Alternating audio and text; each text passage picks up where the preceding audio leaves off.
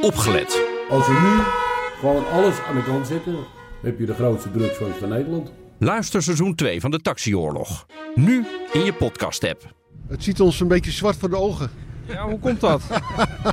maar dat komt door de zwartgelakte documenten die we allemaal te zien kregen. BNR Werkverkenners wordt mede mogelijk gemaakt door BrainNet.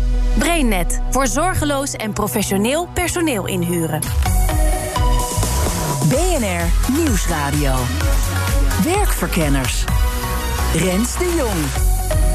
Gaan werken als expat. Het is een droom die leeft bij heel wat hoogopgeleide Nederlanders vooral. Bij mij is er nooit echt van gekomen, maar ik kan me zeker voorstellen dat veel mensen dit zien als een bijzonder avontuur. Ik kan ook eens in andere keukens kijken en uh, ja, ook privé vonden we het zo'n geweldige ervaring. Dat had ik echt niet willen missen. Dat heb ik er meer dan vanaf gehad. Nou, corona werkt natuurlijk even niet mee. Veel bedrijven zijn als gevolg daarvan nu even terughoudend... met het uitzenden van personeel naar verre oorden. Maar er komt natuurlijk een moment waarop dat allemaal weer voorbij is. En dan, hoe bereid je je voor op een leven als expat? Wat moet je allemaal regelen? Dingen waar je helemaal niet bij stilstaat misschien. Ja, dus als je dus uh, door je werkgever dus inderdaad wordt uitgezonden... dan uh, moeten we natuurlijk kijken of waar je dan sociaal uh, verzekering... Hè, of het verdrag is. Nou, als je hier is er niks, dan bouw je ook niks op. Wat betekent zo'n stap voor het gezin? En, daar ben ik toch wel even benieuwd naar... is het ook gewoon een paar jaar lang flink je zakken vullen. Bewijzen van je hypotheek in Nederland werd, werd, werd betaald door de, door de Philips, zo te, zo te zeggen. Ik zoek het voor je uit in deze nieuwe aflevering van BNR Werkverkenners. Werkverkenners. En daarvoor begin ik in Singapore. Mijn naam is uh, Martijn Doeven. Die zes jaar geleden zijn koffers pakte en voor het avontuur koos. Ik uh, werk voor uh, Signify als commercieel directeur.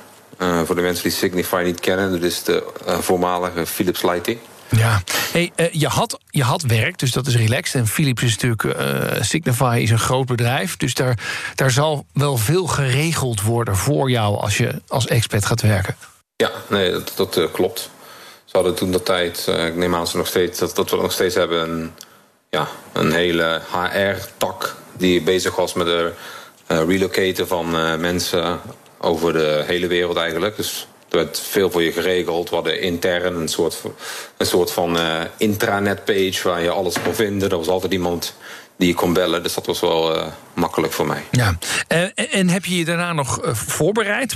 Denk je, je bent er één keer heen geweest. Ga je dan helemaal inlezen en zo? Of, of ga je er toch een beetje op de Bonnefoy heen?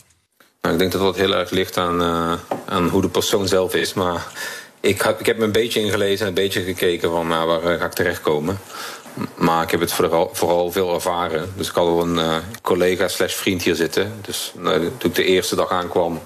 Uh, zijn, zijn we meteen uh, het nachtleven gaan, gaan verkennen.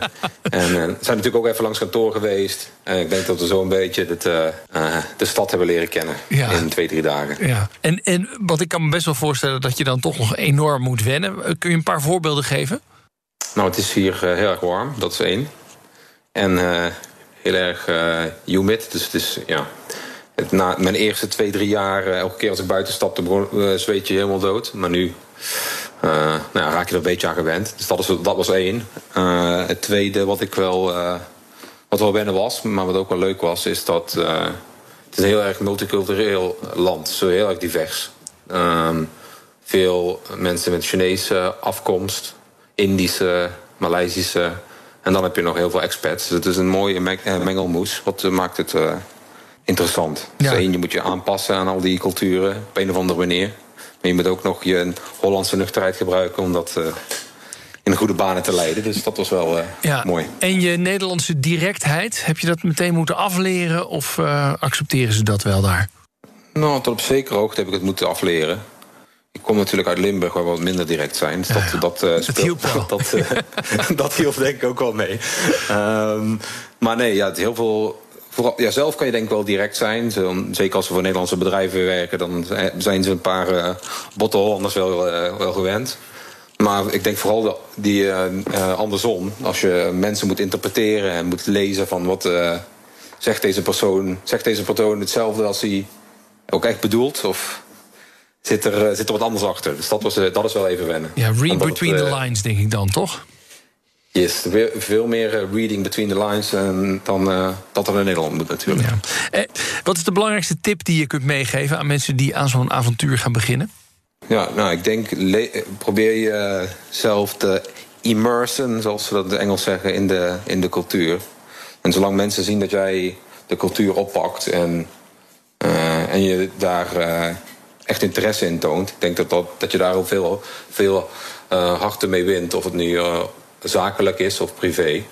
Zijn er nog dingen in Singapore waar je nog steeds niet aan kunt wennen? Het is erg. eh, de luchtvochtigheid is erg hoog en het is erg warm. Dus dat is soms wel. Ja, je, je- als je langer dan 10 minuten buiten loopt, dan zweet je natuurlijk helemaal kapot. En dat, dat, dat is één, daar zal ik niet aan wennen, denk ik. En tweede, het zijn meer dingen die je mist. Dus ja, kijk, een broodje kroket, dat zit er niet in hier. En dat mis ik soms wel eens. niet, dat ik, niet dat ik toen ik in Nederland woonde zoveel broodjes kroket had, maar... Nee, ja, maar als het er opeens niet meer is, hè? aan kan, Ja. ja. dan is, eh, is het Dan is gemis het wel groot. lastig. Oké, dat was Martijn dus, vanuit Singapore. Maar voordat ik hem bedank, wil ik toch nog één dingetje weten.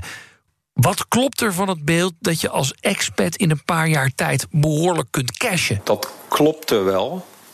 Klopte, Eh, begrijp ik. Ja, nee, in ieder geval zover als ik eh, be- begrijp en om me heen kijk... eh, zijn die expat-contracten van, waar iedereen... Ja, waar je bijna een dubbel salaris kreeg... en je bij wijze van je hypotheek in Nederland werd, werd, werd betaald door de, door de Philips, zo te, zo te zeggen.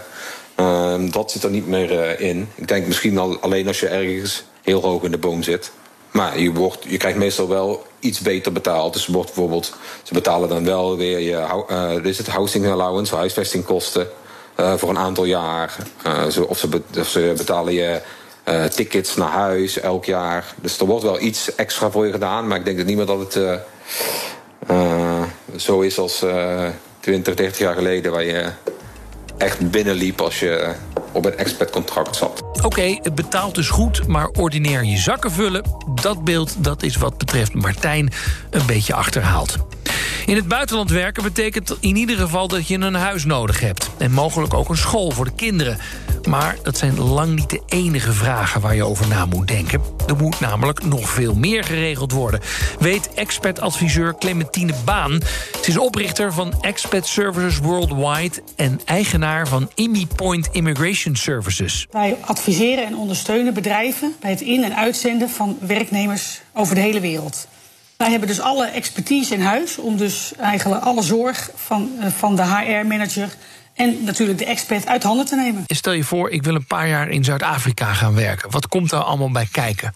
Als je dus door je werkgever wordt uitgezonden, zeg maar naar een, eh, naar een, eh, een land, en dat kan Zuid-Afrika zijn, maar dat kan ook China zijn, dat kan Israël zijn, dan eh, moet er altijd gekeken worden van eh, een werk- en verblijfsvergunning. En heel vaak eh, komen mensen al met van we regelen alles, we gaan dit, en dan denken ze, oh ja. De verblijfsvergunning moet nog geregeld worden. Dat is eigenlijk wel heel belangrijk, want in sommige landen, zoals bijvoorbeeld China en Israël, is het gewoon echt drie maanden dat het duurt voordat alle eh, goedkeuringen rond zijn. Eh, wat komt er nog meer bij kijken? Natuurlijk een uitzendingscontracten. Wat gaan we in dat contract zetten? En eh, ja, hoe gaan we de verhuizing regelen? Het, het Eh, en dat is het contract tussen jou en je werkgever. ja, dus je wordt zeg maar uitgezonden voor drie jaar. En dan ga je met je, met je werkgever bespreken. Nou, wat, wat komt daarin te staan? En dan heb je het natuurlijk over eh, nou, wie, wie betaalt de verhuizing. Eh, wat doen we met huisvesting daar? Mijn, mijn vrouw of mijn, eh, mijn partner of man gaat mee. Mijn kinderen gaan mee. Gaan er ook nog huisdieren mee? Eh, cultuurtraining. Hoe gaan we om in, in zo'n contract met pensioen? Met misgelopen hypotheekrente? Met kinderbijslag? Dat zijn allemaal dingen die dus in zo'n contract opgenomen moeten worden. Ja, en, bijvoorbeeld, ik ga met mijn vrouw mee. Dan heb ik allerlei inkomensdervingen. Wordt dat nog een beetje gecompenseerd? Of hangt dat heel erg van de liefdadigheid van de werkgever van mijn vrouw af? Ja, nou kijk, als je als partner dus meegaat en je, nou, je hebt een leuke baan en je zegt je baan op. En ehm, ja, dan, dan, hè, dan wordt een, een medewerker gevraagd om naar een land toe te gaan. Dan kan je natuurlijk zeggen van ja, eh, mijn vrouw of mijn man eh, zegt zijn baan op, we, we verliezen geld. Dan kan je natuurlijk als onderhandeling kan je dat met je werkgever eh, bespreken. Dus eigenlijk ja, wie, wie, wie bij de hand is, eh, ja, he- heeft de meeste kans. Ja, ja. Je kunt er eigenlijk alles in bespreken als ik dat zo hoor. Ja, sommige bedrijven hebben wel uh, een standaard policy. Hè. Dus je gaat uh, zes maanden weg, dan is dit contract voor jou. Ga je een jaar weg, dan is dit. En dan ga je meer dan drie jaar weg of whatever, dan is dat contract. Dus sommigen hebben het allemaal goed uh, afgedicht. Hè. Dus geen piano's mee met de verhuizing. geen boten mee terug. Weet je, dat, dat zijn allemaal dingen ja, die, die, die in zo'n contract kunnen staan. Ja, ja. Zeg, en, en, en, en belastingtechnisch en zo. Hè. Dus oké, ik regel, oké, ik regel het allemaal goed met mijn werkgever. Maar ik kan me voorstellen dat, dat er best wel wat haken en ogen zitten... omdat ik Nederlands staatsburger ben. Dus ik denk, waar moet ik mijn belasting betalen? Mijn AOW, hoe, hoe werkt dat allemaal? Zitten daar valkuilen? Ja, je moet eigenlijk zien, als je een aantal jaar naar het buitenland uh, wordt uitgezonden of gaat werken, dan moet er altijd eerst gekeken worden: is er een verdrag met dat land, hè, met betrekking tot uh, de belasting en de sociale verzekeringen. Nou, neem nou bijvoorbeeld Amerika. Amerika, daar is een verdrag mee. En dan kan je dus door een, een verklaring aan te vragen bij de Sociale Verzekeringsbank hier in Nederland. waarin staat dat je sociale premies hier in Nederland afdraagt. Dan kan je dus voor die premies hier gewoon op de Nederlandse loonlijst blijven staan. En dan betaal je gewoon belasting in Amerika. -hmm. Nou, zodra je dus hier in Nederland op die loonlijst staat, betaal je ook belasting, of die, die premies dan. Waardoor je dus inderdaad automatisch recht hebt op, op je ziektekostenverzekering nog en je kinderbijslag. Maar, moet, maar ga je. Ja, ja, ga door, ga door.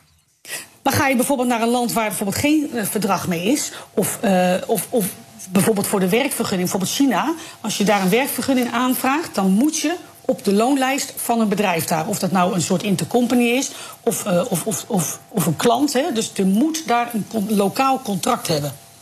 Ja, en dan, dan zal je toch apart moeten verzekeren voor ziektekosten.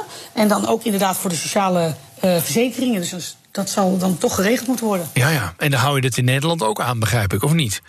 Voor, voor... Dan hoeft dat niet, dan kan dat niet. Nee, nee dat want dan sta je niet meer. Uh, nee, dan sta je in China op de uh, payroll.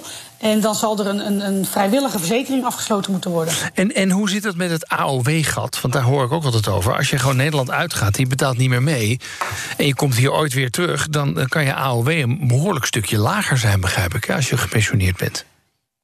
Ja, dus als je dus uh, door je werkgever dus inderdaad wordt uitgezonden, dan uh, moeten we natuurlijk kijken of waar je dan sociaal uh, verzekering hebt, of, of het verdrag is. Nou, als je hier uh, is er niks, dan bouw je ook niks op. Dus dan ga je een aantal jaar naar het buitenland. Je verliest gewoon als je straks 67 bent, zoveel procent op je AOW-uitkering. En er kan niemand bijstorten of zo? Nou, dat zijn allemaal dingen die, die, die je kunt. Er is niet een wettelijk uh, compensatieplicht hè, door je werkgever. Dus er zal natuurlijk wel kunnen gekeken worden. Ja, hoe gaan we dit uh, enigszins compenseren? Mm. He, dat je niet straks een, een, een, gat hebt van 2 of 3 procent. Nou, als ik dat even mag samenvatten, het maakt heel veel uit naar welk land je precies gaat. Overal zijn de regels anders. Kwestie dus van goed inlezen. Ja, eigenlijk wel. Het is, uh, er komt nog. Kijk, je denkt van werkgever, oh leuk, we gaan naar het buitenland, leuk, een, een, een, mooie uitdaging. Dat is het ook, maar je moet wel zorgen dat alles goed geregeld is. En vooral natuurlijk met kinderen en met scholing. Uh, dat je wel goed weet hè, dat, dat, dat, dat het daar allemaal goed kan gaan. Ja. Want als mensen daar niet, niet uh, tevreden zijn, ja, dan, dan heb je geen leuke uitzending. Dan nee. wil je terug. En, en, zie je dat veel gebeuren? Zie je veel mensen onvoorbereid uh, toch de stap wagen? Nou, ik zie wel heel bedrijven die echt denken van... oh, oké, okay, wij hebben... Nou, jij gaat naar Singapore... En, of jij gaat naar China en jij moet daar in januari zijn. En januari is mooi, ga je daar beginnen. En dan, en dan komen ze bijvoorbeeld bij mij en dan zeggen ze... ja, 1 januari is, ja, maar dat is helemaal niet haalbaar. Oh ja. Want die werkvergunning moet geregeld worden. Nou, en dan, uh, en dan hebben ze bij wijze van spreken de verhuizing al geregeld. Hè. De verhuizer is al geweest om op te nemen wat gaat er allemaal mee. En dan, en dan, en dan komen ze bij mij en dan zeg ik... ja, maar dat, is, dat, dat kan helemaal niet. Dat is, nee. dat, dat is, uh, ja, dat is te kort dag. Rens de Jong. Clementine Baan was dat, van Expert Services Worldwide kinderen. Dat woord is ook al een paar keer gevallen. Wat betekent het eigenlijk als je gezin meegaat? We spraken natuurlijk geen woord Engels. Een nieuwe omgeving voor de kinderen. Je partner die zijn of haar carrière een tijdje in de ijskast moet zetten. Dat lijkt me toch best een dingetje. Het begint al als je ID-kaart ophaalt. Uh, dan staat erop housewife, uh, not allowed to work. Iemand die daarover kan meepraten is Antoinette van Dam. Ze is jurist en verhuisde met het gezin en al een paar keer naar een ander land voor de carrière van haar man. De Verenigde Staten, Dubai en Zwitserland. We hebben veel van de wereld gezien en ook uh, daarmee heel veel verschillende mensen ontmoet. Uh, en dat is ook uh, ja, het mooie hieraan geweest. we zijn ooit begonnen in Californië. En dat is ook wel een heel mooi land om, om te beginnen als je dan toch in het buitenland gaat wonen. Ehm, we dachten dat het heel erg zou lijken op Nederland. Nou, niks is minder waar. Oh, nee. Er zijn heel veel verschillen. Maar we hebben daar een geweldige tijd gehad. Ja. En even kijken, hoeveel kinderen hebben jullie? We hebben drie kinderen. En, en wa- wat waar was de leeftijd toen je vertrok, zeg maar, van die kids? Eh, Nou, de jongste was vijf en mijn dochter was negen en mijn oudste die was elf. Dus eh, ze zaten nog net in de basisschoolperiode. Ze spraken natuurlijk geen woord Engels. En om het nog moeilijker te maken, zijn we eigenlijk naar een public school gegaan. Dus niet naar een internationale school, maar naar eh, ja, de school letterlijk om de hoek. Ehm, en ja, er werd ook van hen gewoon verlangd om meteen gewoon mee te doen. eh, de lessen te gaan volgen. En mijn dochter kreeg ook opdracht om eh, twee weken na aanvang meteen al een spreekbeurt te houden. Waarop ik naar de juf liep en zei van nou, zullen we dat een beetje uitstellen? No, she can do it. Nou ja, en eh, ze ging aan de gang en het lukte ook, moet Oh ja? zeggen. Dus ja, ja. ja, kinderen worden daar gewoon eh, heel erg aangespoord om ook ja, dingen te doen die ze, waarvan ze aanvankelijk denken dat ze het niet aan kunnen. En dan hebben ze zoiets van, doe je best maar. En het is niet erg als je faalt, maar je gaat wel je best doen. Ja, en eh, na afloop, eh, dan word je ook natuurlijk op het schild gehezen. Dan, eh, dan krijg je applaus en Ja, dat, ja. ge- ja, dat is natuurlijk ook heel erg leuk. Het is is ook een ervaring voor zo'n kind natuurlijk, toch? Absoluut, Ja. absoluut. En eh, voor het zelfvertrouwen is dat heel erg goed geweest. En ik moet ook zeggen dat de mensen daar ook wel heel behulpzaam waren hoor. Op het moment dat je gewoon laat zien van dat je je best doet om aan te passen. En eh, dat je mee wilt doet- doen en dat je actief bent, dan eh, in ieder geval in dat gebied waar wij waren, dan staan de mensen ook enorm voor je open en Ja. willen ze je aan alle kanten helpen. Hey, ja, en ja. Mhm. eh, daarna ga je dan naar Dubai en Zwitserland. Dat, Vooral Dubai lijkt me toch ook weer even weer een enorme culture shock. Ik kan me Dat zo kan je wel voorstellen, stellen, ja, toch? ja, ja, ja, ja. Nee, klopt, absoluut. Dat hebben we ook wel zo ervaren, hoor, moet ik heel eerlijk zeggen. Ehm, maar ook daarvan geldt weer, ja, je weet Wat was de je grootste naar- schok? Wat, wat, wat was dat? Ehm, nou, voor mij zelf persoonlijk, ehm, dat ik natuurlijk als westerse vrouw daar eigenlijk helemaal niets te zeggen had. Maar dan ook echt helemaal niks. En dat was ik natuurlijk niet gewend. Ik wist het wel van tevoren, dus ik had me erop ingesteld. Maar waar uitzicht dat dan in? Eh, nou, het begint al als je ID-kaart ophaalt. Eh, dan staat erop housewife, eh, not allowed to work. Ehm, Not allowed ik to work, dat staat in Ja, je... inderdaad, precies. Ja, ja, ja. Nee, dat is, nou vonden we eigenlijk wel heel grappig. Maar, ehm, en daarnaast ook, eh, ik wilde mijn rijbewijs halen. En eh, moest ik een toestemmingsbrief mee van mijn man dat ik een rijbewijs mocht hebben. Nou, dat, dat is eh, heel bijzonder. En ja, mijn man ging meteen aan het werk. Dus ik moest allerlei praktische zaken regelen. En dan merk je gewoon dat je als vrouw gewoon nou, dat heel moeilijk voor elkaar krijgt. Ja. Het afsluiten van een telefoonabonnement, dat soort zaken. Word je daar niet, word je daar niet mega opstandig van? En, want je zegt, ik, in Amerika voel ik me heel erg thuis. Ja, Nou, in zo'n ja. land waar, waar, waar vrouwen enorm op achterstand worden geplaatst... kan ik me toch niet voorstellen dat je je redelijk Ja. gaat thuis voelen. Nee, nou ja, dat, dat is ook inderdaad zo gebeurd. Want we zouden er drie jaar eh, blijven, maar we zijn daar een jaar weggegaan. Niet alleen omdat ik het daar wat iets minder vond, maar ook eh, nou ja, om een paar andere redenen. We hadden zoiets van, ja, ik weet nog niet of we nou hier eh, langer moeten blijven. Ehm, maar tegelijkertijd beseffen we ook heel goed, kijk, wij gaan naar dat land toe. En je weet van tevoren dat daar die regels gelden. En het is zo dat het land niet aan jou gaat aanpassen, maar je zal aan het land moeten aanpassen. En als je daar geen zin in hebt, ja, dan moet je gewoon weggaan. Dus ik, ik, ik vind het wel. Het, ik, ja, het, het, het is een beetje. Je wist, Dubbel- je, je wist waar je in stapte, zeg maar. Ik wist waar ik naartoe ging. Ja. En eh, alleen als je het ondergaat, dan is het natuurlijk weer iets anders dan wanneer je dat van tevoren allemaal bedenkt. Ehm, maar ik vind, ja, je zal jezelf altijd aan het land moeten aanpassen. En je kan niet verlangen dat het land zich aan jou gaat aanpassen. Hoe lang zijn jullie in totaal weg geweest? In totaal zijn we vijf jaar weg geweest. Ja. ja, En, ja. en, en eh, eh, jij hebt dus vijf jaar lang niet gewerkt. Ja, Nou, eh, het, het was een beetje anders. We gingen eerst naar Californië en daartussen waren we twee jaar nog in Nederland. Mhm. En toen eh, heb ik vanuit Amerika al meteen gesolliciteerd. Dus zodra we er weer thuis waren in Nederland, eh, kon ik meteen weer aan het werk. Ja, maar Ja, was het niet gek voor je dat je, dat je dat je van een een goede carrière als jurist dan opeens ja, zit je toch eh, nou, dingen thuis te regelen, wat ook, wat ook prima is, maar ik kan me toch voorstellen dat je Ja. ook wel iets anders bedenkt. Ja, ik, eh, mijn carrière, carrière technisch is natuurlijk niet zo slim. Nee. Eh, tegelijkertijd vind ik ook, ehm, juist omdat ik daar van alles en nog wat moest regelen, heb ik me ook heel erg kunnen ontwikkelen op andere gebieden. En daarmee heb ik, me, ja, heb ik ook een bepaalde ontwikkeling doorgemaakt. En ik heb ook niet helemaal stilgezeten. Ik had alleen geen betaald werk. Maar ik heb bijvoorbeeld in Zwitserland heb ik uh, Nederlandse les gegeven op een internationale school. En dat vond ik ontzettend leuk om te doen. Mm -hmm. Ik wilde vroeger eigenlijk leraar worden. Dus nou, ik dacht, ik pak mijn kans. Ik ga eens kijken hoe ik dat vind. Dus uh, het is natuurlijk, uh, ja, je laat wat achter. Uh, tegelijkertijd uh, ontwikkel je jezelf ook nog. Uh, en je, je, kan ook eens in andere keukens kijken. En ja, ook privé vonden we het zo'n geweldige ervaring. Dat had ik echt niet willen missen. Nee. Dat heb ik er meer dan vanaf gehad. Bovendien, ik ben nu weer gewoon fijn aan het werk. Dus het, het hoeft niet ten koste te gaan van je carrière. Nee. Het is gewoon meer even een pauze. En um, wat je hoort ook wel, tenminste de mensen die ik interview, die zegt dat wordt pas over het hoofd gezien hoe de partner of de partner het leuk vindt of niet. He, er is heel ja. veel focus op het werk. Van nou, we ja. wel goed geregeld, et cetera. Maar dat dan uh, ja, de partner het gewoon eigenlijk geen bal aanvindt. En dan gaat het toch na een jaar mis. Herken je zoiets? Of denk je, ja, dat, dat, dat gevaar ligt wel op de loer? Uh, ik heb het zelf niet meegemaakt, maar ik heb uiteraard uh, nou ja, ik heb wel meer expertgezinnen. En het is inderdaad heel belangrijk dat je dit echt met elkaar doet. Uh, ook van elkaar weet dat je het ook met elkaar uh, doet. Hè? Dus dat niet zo is van, nou ja, de man die uh, in dit geval die siert met zijn successen. Je doet het echt met elkaar. En niet vergeten ook de kinderen. Want ik vind eerlijk gezegd, kijk, ik ben volwassen en ik neem een wel overwogen beslissing. Maar zeker toen we naar Californië gingen, waren de kinderen nog klein. En namen we voor hen de beslissing. En ik vind eigenlijk ja, vooral heel belangrijk dat ook zij zich kunnen aanpassen. Want ja, dat, dat vind ik eigenlijk het allerbelangrijkste aspect. Als dat niet was gelukt, waren we eerder naar teruggegaan. Ja. Even over de uh, kinderen, want je, je zegt, ik vind het heel erg belangrijk. Um, die, die kinderen, als, als je dan naar Dubai gaat... wat echt even een culture shock is, denk ik... passen zij zich dan snel aan? Ja, dat gaat heel snel. En uh, daar heb ik me echt over verbaasd.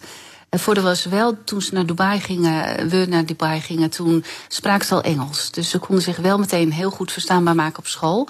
En ook meteen vriendschappen sluiten met kinderen. Uh, dus dat was wel uh, een grote pre. Dat was in Californië wel heel moeilijk toen we daar naartoe gingen.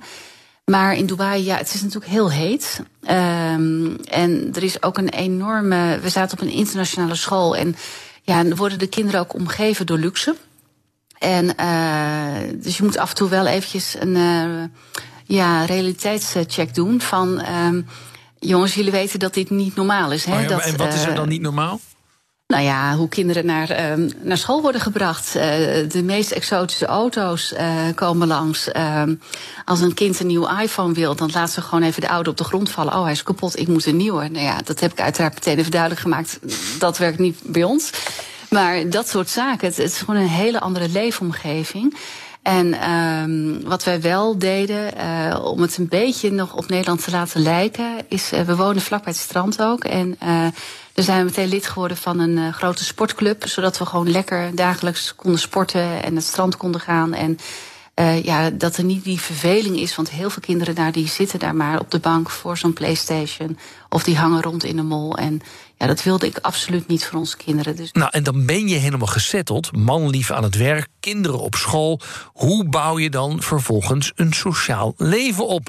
En blijft dat dan beperkt tot de eigen expat-bubbel of komen locals ook op de koffie? In Californië hadden we een, echt een mix aan vrienden. Uh, komt ook omdat we dus naar een public school gingen en dus ook echt met de nou ja, locals, dat klinkt wat, maar in, uh, in aanraking kwamen. En ook, we gingen ook naar de plaatselijke sportclub. Uh, dus het was heel makkelijk om daar te integreren. Mm -hmm. En uh, de kinderen speelden op straat met de buren. Dus we hebben daar echt met Amerikanen gewoon echt vriendschappen gesloten. Ik moet wel zeggen dat we daarnaast ook een hele hechte vriendengroep hadden van Nederlanders. Um, uh, een paar Nederlandse gezinnen. En daar hebben we ook uh, hele leuke dingen mee gedaan. Samen Sinterklaas gevierd en dat soort zaken. En het is heel fijn om dat er naast te hebben, naast Amerikaanse vrienden. Omdat uh, ja, je bent ver van huis, je hebt geen familie. Uh, het is heel fijn als iemand je even een beetje wegwijs maakt in het begin van, oh joh, weet je, dat begrijp ik, je moet even zus of zo doen. Of in geval van nood, uh, dat je weet dat, dat je er bent om elkaar te helpen. Want ja, mijn man was ook veel op reis. Uh, dus dan zat ik daar aan de andere kant van de wereld alleen met de kinderen. En dan is het toch wel heel fijn als je een paar Nederlandse vrienden hebt die gewoon weten wat het is om daar zo te zitten en waar je tegenaan kan lopen. Antoinette van Dam, ze is met haar gezin inmiddels weer in Nederland en heeft daar haar carrière weer opgepakt. Dit was BNR Werkverkenners voor deze week over het leven als expat. Nou, ik zie het mezelf 1, 2, 3 niet meer doen. Maar als je een stuk jonger bent en krijgt de kans, dan zou ik zeggen... Ga ervoor. Goed voor je cv, onbetaalbaar als ervaring en ook nog ongelooflijk leuk. BNR Werkverkenners wordt mede mogelijk gemaakt door BrainNet. BrainNet voor zorgeloos en professioneel personeel in Ook Thomas van Zeil vind je in de BNR-app. Je kunt live naar mij luisteren in Zaken doen. De BNR-app met breaking news. Het laatste zakelijke nieuws. En je vindt er alle BNR-podcasts. Bijvoorbeeld Het Nieuwe Geld. Download nu de gratis BNR-app en blijf scherp.